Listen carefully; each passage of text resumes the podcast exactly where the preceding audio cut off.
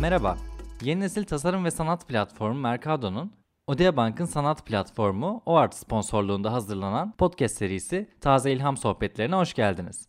Ben Yağız Genç. Ben Tuna Mert. Her bölümde tasarım ve sanata dair ilham veren hikayeler üzerine sohbet ettiğimiz podcast serimizin yeni bölümlerini kaçırmamak için şimdiden takip etmeyi ve bildirimleri açmayı unutmayın.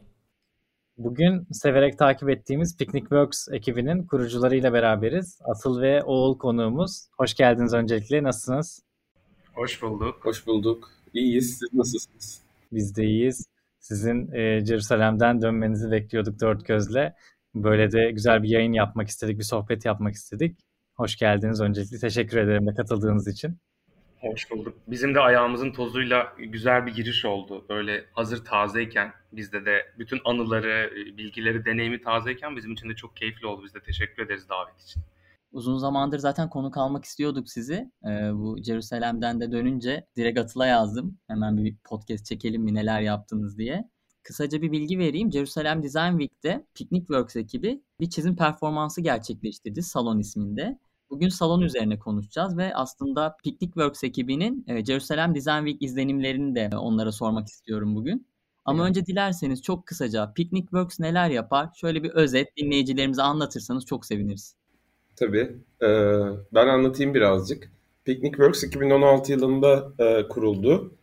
Bizim Atıl'da Japonya'da ben seyahat bursu Atıl'da e, bir staj vesilesiyle orada bulunuyordu ve orada geçirdiğimiz böyle çok keyifli bir çizmeli, eskizli bir birlikte gezme deneyiminin sonrasında Türkiye'ye dönünce birlikte iş yapalım dememizle başladı. İlk yaptığımız proje günü birlik üzerinde çalıştığımız sonsuza doğru uzayan bir plan çizimiydi. Sonra birkaç proje daha yaptık. E, bazılarından ulusal ve uluslararası ödüller aldık. Sonra da buna bir isim koyalım dedik ve Picnic Works doğdu. Picnic Works neler yapar sorusunun cevabı biraz zor aslında. Çünkü biz böyle kendimizi mimarlık okumuş olsak da ikimiz bir şekilde bu herhangi bir disiplinin sınırları içerisine sokmayalım. Yani bunun üzerinden tanımlamayalım yaptığımız işi.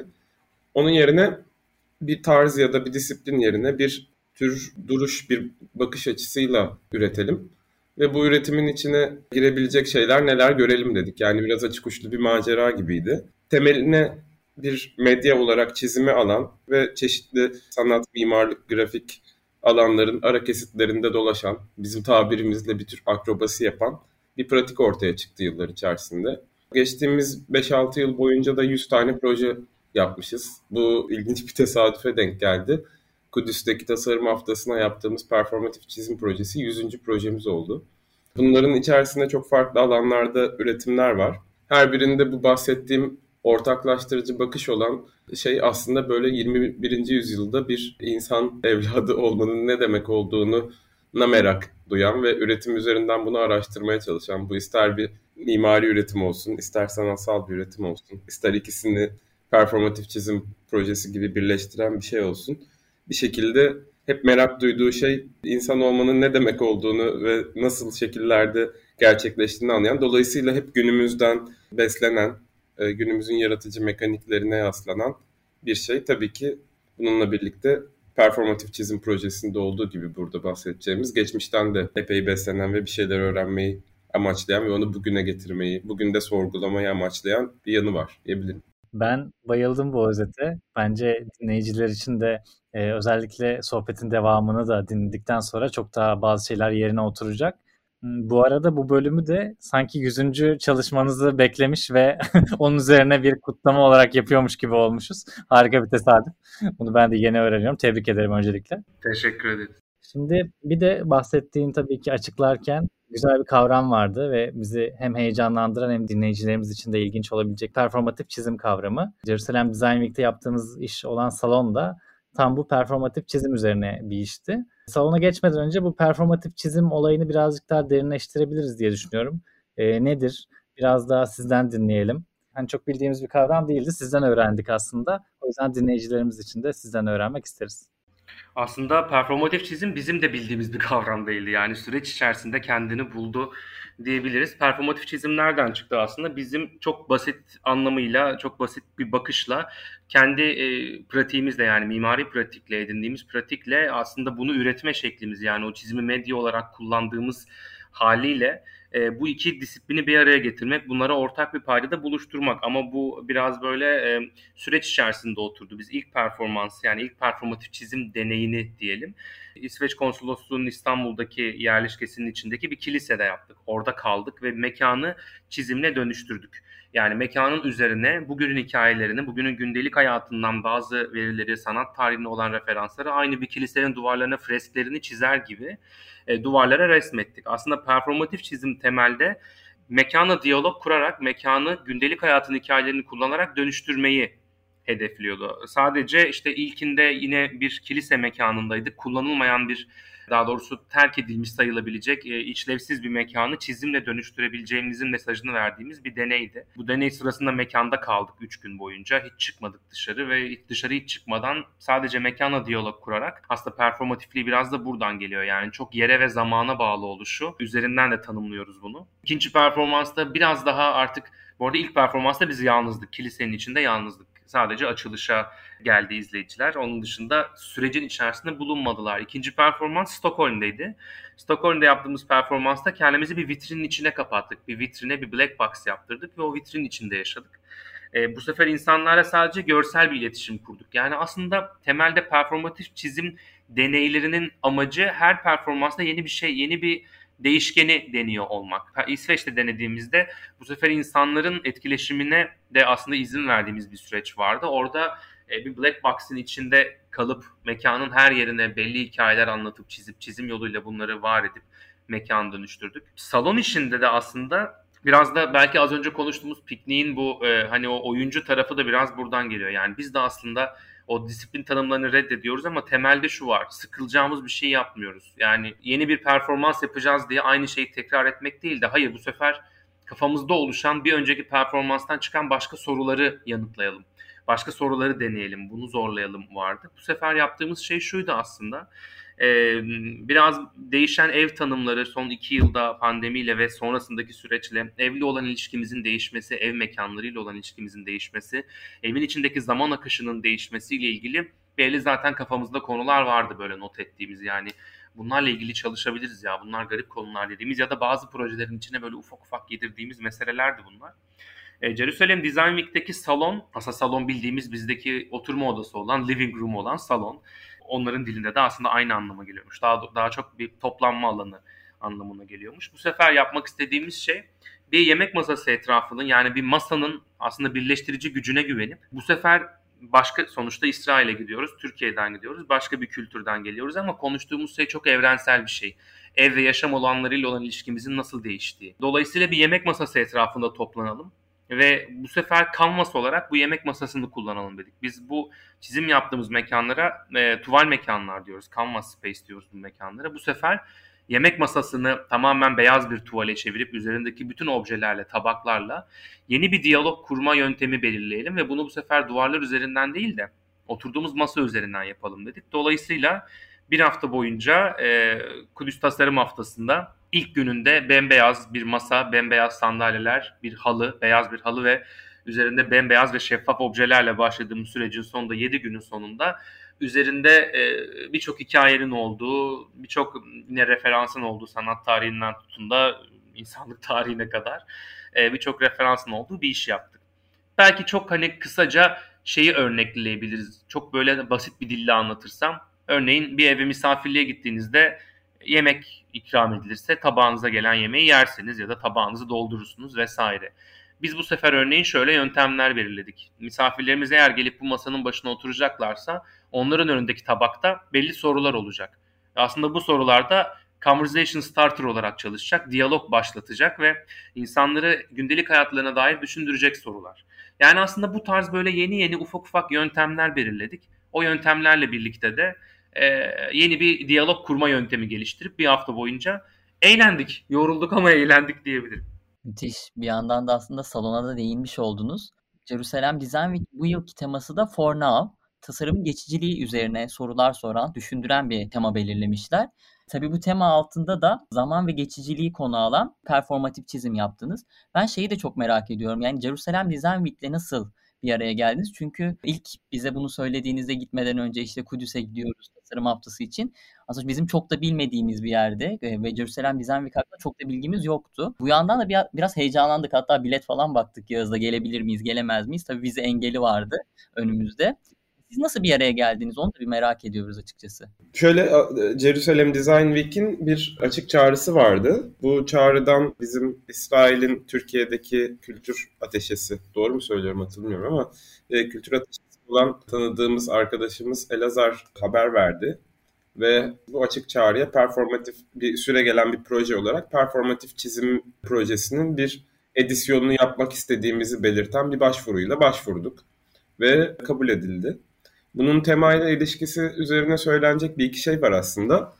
Ee, birincisi zaten performatif çizim. Hani Atıl gayet güzel açıkladı ama şurasını belki vurgulamak gerekebilir. Çizimin kendisinin performatif bir araç oluşunu kullanarak buna bir takım oyuncu kısıtlar da getirerek mesela mekan üzerinde olması, bir süreyle kısıtlı olması, tüm içeriğin spontane ve içgüdüsel olarak yerinde oradan mekanla kurulan diyalogdan oluşması gibi şeyler koyarak zaten kendisi zaman bazlı bir çalışma. Yani hep bir süre kısıtı oluyor, başka kısıtlar oluyor bu oyunu daha keyifli hale getiren, bunu bir deney haline getiren. Onun dışında bizim bunun içeriğiyle ilgili hani e, tamamen spontane gelişiyor dedim ama tabii önden bunu düşünmeye başlıyoruz. Bir temamız oluyor. Mesela ilkinde Atıl'ın bahsettiği Şapel'dekinde biraz daha içe kapalı bir şeydi ve ilk çalışmasıydı. O yüzden iş kendiyle ilgili uğraştı. Daha düşünsel anlamda kendiyle ilgili uğraş, uğraştığı konuları ele alıyor oldu. İkincisinde daha böyle kente açılan, kentin zemin kotunda olan bir yerde yaptığımızda Stockholm'de bu doğrudan hani e, zemin katı kentin iç dış ilişkileri, kamusal alan, özel alan, vitrinler, şehrin gündelik yaşamı e, gibi konuları ele alıyor oldu. Bu sefer de aslında hani Atıl'ın da dediği gibi evle olan değişen ilişkimiz çok zamanla alakalı bir mefhum ve hani bu konuları irdelediğimiz bir şey olacağını belirtmiştik e, metinde. En nihayetinde işin içeriği de nasıl olacağını bilmesek de bununla ilişkilenen bir şekilde oldu.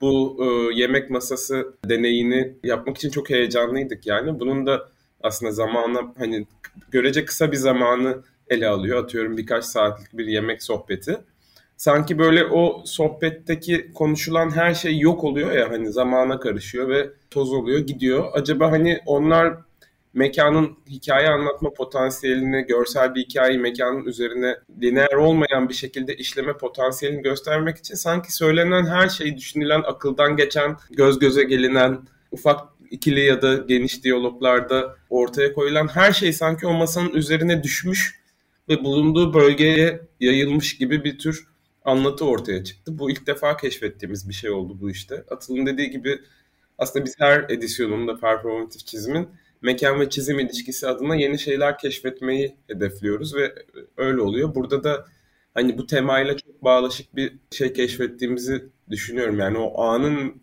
mekanın üzerine düşmesi çizim aracılığıyla ve mekanı dönüştürmesi gibi bir durum ortaya çıktı ve bu hani bizim için çok ilginç bir deney olmasını sağladık bu versiyonun.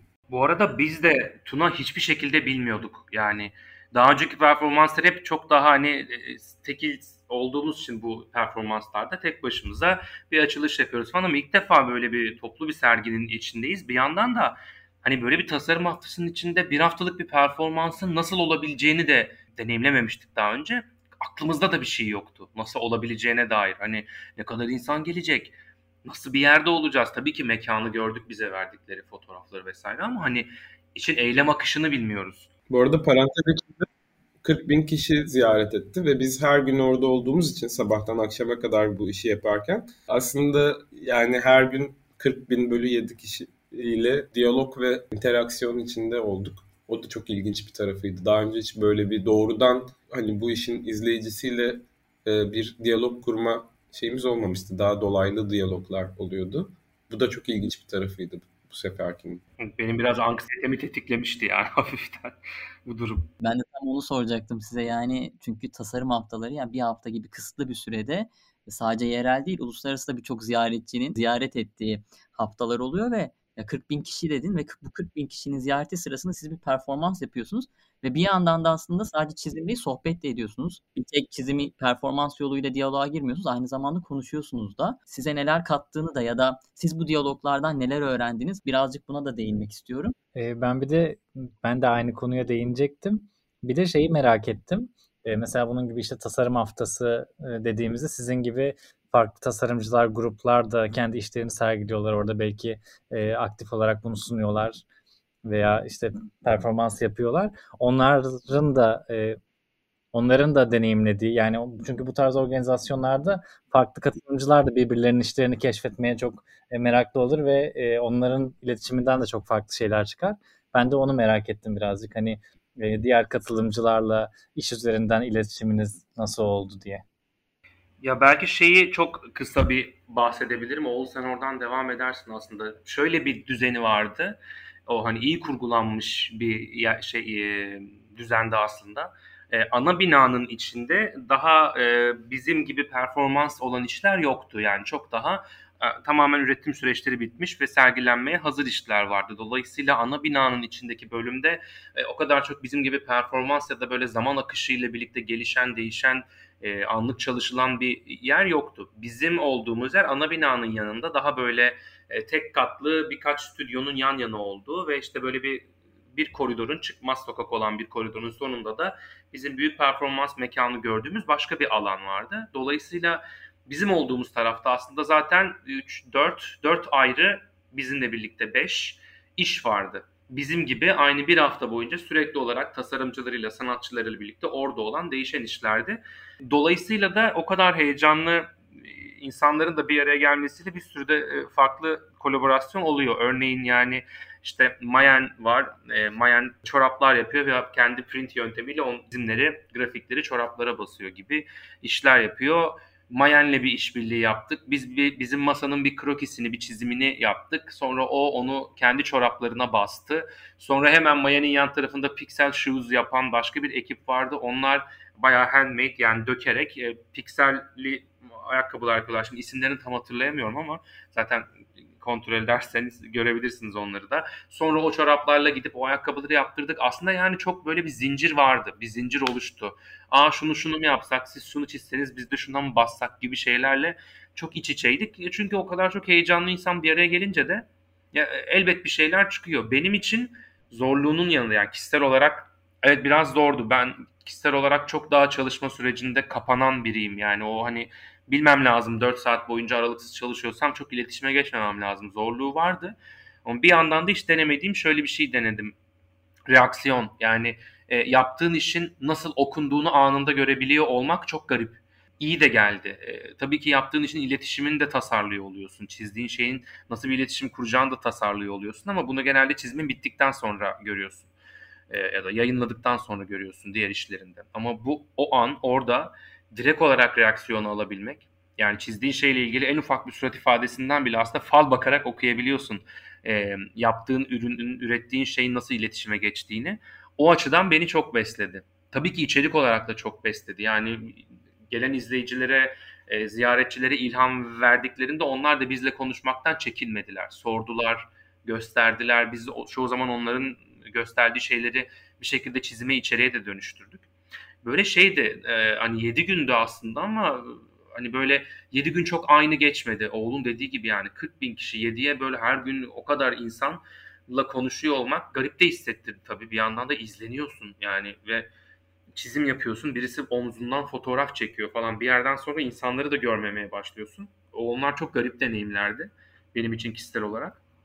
Ama üretim anlamında çok coşturdu benim içimi açıkçası. Benim için de öyle bir coşku durumu söz konusu oldu. Ya bu interaksiyondan mı kaynaklanıyor bilmiyorum ama burada hani hem Yağız'ın dediği gibi orada birçok sergi vardı aynı anda ve onları da geziyor olduk tabii ki. Oradaki sanatçılar da geliyordu, onlarla konuşuyor da olduk. Onun bir kere kesinlikle çok çok ittirici bir yaratıcı güç e, ortaya koyduğunu söyleyebilirim. Bunun dışında bu işi yaptığımız yer Kudüs Tasarım Haftası'nın gerçekleştiği Hansen House isminde bir harika bir mekandı ve hiç unutmayacağımız hayatımızın en güzel mekansal deneyimlerinden birini yaşadık bence. Böyle çok büyük bahçeleri olan, çok hoş mekanları olan çok eski bir hastane yapısı kültür sanat etkinlikleri için dönüştürülmüş. Orada bulunmanın kendisi çok çok ilginç bir deneyimdi. Çok hoş bir e, süreydi. Hem böyle bir o 40 bin kişinin hareketi ve dinamizmiyle coşan hem de bir taraftan Hansenhaus'un sakinleştirici ve rahatlatıcı atmosferiyle bir şekilde dengelenen bir, bir haftalık deneyimdi. Ve bütün bu interaksiyonlar ki bence bunların çeşitleri vardı. işin içeriğinde kesinlikle çok e, belirleyici bir rol oynadı. Biraz bu interaksiyonların şeyinden bahsedeyim kısaca. Bir hafta deneyimledikten sonra artık tasnif edebilir hale geldik. Bir kere şöyle bir şey var. Hani geniş bir grup gelip onlara aynı şeyi yani bu projenin amaçladığı şeyleri, bu projenin niyetlerini, tartışmalarını anlattığımız hep aynı şekilde başlayan ve bir süre sonra kendi aramızda dalga geçmeye başladığımız bir anlatım şekli vardı. İşte merhaba biz Picnic Works şunları şunları yapıyoruz ve bu proje bununla alakalı diye, diye böyle bir 2-3 dakikalık bir standart konuşma şeyi. Burada e, bizimle birlikte orada olup bize e, yardımcı olan ekibimizin parçası Melodi Gülbaba ve Burçe Gökun'a tekrar teşekkür etmiş olalım. Onlara çok rol düştü yani biz orada çizim yaparken bazen bu anlatımı onlar yapıyor oldu. O da böyle zamanla geliştirip mükemmelleştirdiğimiz bir şeye dönüştü. Kendimizi daha iyi ifade etmeye başladık 7. günün sonunda. Çünkü aynı şeyi tekrar tekrar tekrar tekrar tek böyle hani aslında gerçekten orta boy bir oturma odası gibi olan bir yerde bir anda 30 kişi doluşuyor ve onlara yaptığın şeyi bir yandan yaparken anlatmak gerekiyor. Ondan sonra şöyle şu tür bir diyalog e, şeyi vardı. Hani birileri durdurup bir takım sorular soruyor. Ve bu sorular hani bazıları çok basma kalıp mesela hani komik bir anekdot olarak anlatıyorum. Her odaya giren kişi bir kere mutlaka bunun neden mavi olduğunu sordu. Hani biz bu arada hani piknik tarihi boyunca hani bu soru bize en çok sorulan sorudur. Her seferinde de yeni cevaplar uydurmaya çalışıyoruz. Çünkü tam olarak bir sebebi de olduğunu söyleyemem. Ve işte bazen gökyüzünün rengi diyoruz, bazen denizin rengi, bazen çok sevdiğimiz sanatçı Yves Klein diyoruz, bazen işte ucuz kalemler bu renk olur falan diyoruz. Ya bu soruyu o kadar çok cevapladık ki artık bu soruya uydurduğumuz şıklardan bir çizelge yapıp doğrudan çizimin içine bunu yerleştirdik. Tam girişte hani şöyle bir şey yazıyor halının üzerinde. Bu odaya giren herkes neden mavi olduğunu sordu. Aşağıda bir takım seçenekler var. Kendinize uyanı alabilirsiniz gibi. Bir de şöyle sorular ve diyaloglar oldu. Çok özel, çok spesifik ve çok çok iyi yerlere dokunan. Genelde böyle birkaç kere gelip hani süreci izleyen kişiler üçüncü, dördüncü gelişlerinin sonunda bu soruları soruyor oldular. Bu bizim için çok kıymetli oldu. Yani birisi durdurup hani durdurmaya da çekinmeyip çizim yaparken ya ben 3-4 gündür geliyorum ve çok ilginç bir iş yaptığınızı düşünüyorum. Diğer işlerinizi inceledim ve şöyle bir sorun var diyerek sorduğu sorular çok çok e, bizi böyle heyecanlandırdı. Gözümüz parladı yani. Hatta mesela bir kütüphaneci bir hanımefendi vardı. Sanıyorum 60 e, ila 70 yaşlar arasında. 2-3 e, kere geldi sonra eşiyle birlikte geldi ve durdurup şöyle bir şey dediler. Ya biz işte sizin projelerinizi inceledik. Biz hayatımızı kütüphaneci olarak geçirdik ve uzun süredir bu kadar heyecanlı bir şey görmedik. Sizin kütüphanelerle ilgili yaptığınız bir proje varmış. Burada bizim ilk yaptığımız projelerden birisine yani sanırım üçüncü yaptığımız bir yarışma projesine referans veriyor. Onu okuduk ve kütüphanelerle ilgili düşüncelerinizi çok ilginç bulduk. Şununla ilgili ne düşünüyorsunuz gibi bir soru geldi. Ve ben, benim gözlerim doldu yani. E, çünkü sanıyorum e, güzelce de bir metni vardı onun uzun, bayağı bir uzunlukta. Hani onu bizim işlerimizle ilgili daha kapsamlı röportajlar yapan, e, yazılar yayınlayan ya da arkadaşlarımız e, ya da belki de o yarışmanın jürisi bile tam olarak okumadığı bir metni hani dünyanın bir ucunda işlerimize merak salıp gidip eve okuyup tekrar gelip bizimle bunu konuşmak isteyen birilerinin olması beslendiğimiz yaratıcı mekanikleri derinleştirmek adına çok motive edici oldu. Bunu söyleyebilirim hoş bir şey olarak. Gerçekten bu özellikle son anlattığın yani bence inanılmaz bir anekdot. Bu tarz hani bizim gibi yaratıcı işler yapan kişilerin böyle yaşamaktan çok büyük sevinç duyacağı ve hani kendini motive edeceği bence harika bir deneyim olmuş. Design Week'e katılımınız ve zaten yaptığınız performatif çizimi daha da interaksiyonun üst seviyede olduğu bir yerde yapmanızın hani neler doğurduğunu çok merak ediyordum. Bu anlattığın hem son anekdot hem bu mavinin e, sürekli sorulması ve sonrasında geliştirdiğiniz yine aslında tamamen sizin performansınızın paralelinde olan çözüm Bir de diğer oradaki yaratıcılarla birlikte yaptığınız mesela ben o e, çorap ve sonrasında ayakkabıyı dönüşüm hikayesini izlemiştim Instagram'dan sizin paylaşımlarınız üzerinden. Çok da hoşuma gitmişti. Şimdi hani onun hem çorap ve ayakkabı kısmının da ayrı olduğunu aslında üç farklı e, katılımcının, yaratıcının ortak bir şeyin ortaya çıkması oradaki e, yaratıcı ortamı gerçekten çok güzel bence özetliyor. Bizi de heyecanlandırdı. Ben bunları duymuş olmaktan dolayı, bu sohbeti yapmış olmaktan dolayı ekstra mutlu oldum şu an. İyi ki de bunu bir podcast bölümü olarak yaptık. Yoksa keşke dinleyicilerimiz de bunları duysaydı diye yine hayıflanacağımız bir sohbet olurdu bence.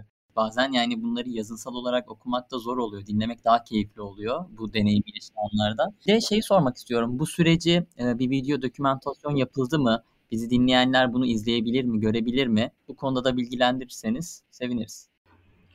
Tabii. Şöyle aslında biz her performatif süreci zaten bir timelapse video olarak kaydediyoruz. O timelapse videolar da zaten yani önceki performansların timelapse videoları da zaten bizim YouTube hesabımızda var. Oradan hani onları da görebilirler. Tabii ki Kudüs'te yaptığımız işte de işin kayıt süreci çok önemliydi. Orada da zaten fotoğraflar, videolar, timelapse videolarla vesaire her şeyimizde tam geldik İstanbul'a geri.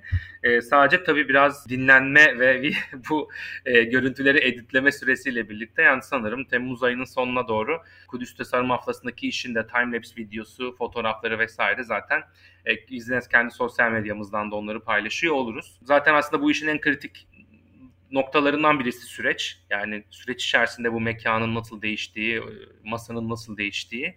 Dolayısıyla bizim için aslında en önemli şeylerden birisi timelapse video. Çünkü biz de sonrasında izleyip kendi yaratıcı sürecimizi oradan takip edebiliyoruz. İçindeyken çok göremiyor insan o panikle, kalabalıkla vesaire ama biz de aslında tam bugünlerde de onun üstündeyiz işte böyle fotoğraflar editleme, e, videolara bakma vesaire ama herhalde tahminimce bir iki haftaya onlar da yayınlamış oluruz. Süper. Ee, biz zaten her bölümle birlikte bir de link hazırlıyoruz. Ee, dinleyicilerimiz işte bahsettiğimiz konularla ilgili görselleri, videoları, işte bahsettiğimiz konuların linkleri varsa onlara ulaşabilsin diye. Sizin YouTube sayfanızın linkini, e, işte elimizdeki görselleri, bu e, Design Week ile ilgili dokümanları da yine o linkte toplayacağız ve paylaşacağız. Dinleyenlere hatırlatalım. E, bence çok keyifli bir sohbet oldu. Ben tekrar teşekkür ediyorum katıldığınız için. Bilmiyorum eklemek istediğiniz şeyler var mı? Ben bayağı tatmin olmuş bir şekilde evet. bu sohbeti kapatmaya giriştim. Belki ufak bir güzel haberle noktalayabiliriz. Bu arada benim için de çok keyifli oldu. Teşekkürler. Şöyle oldu.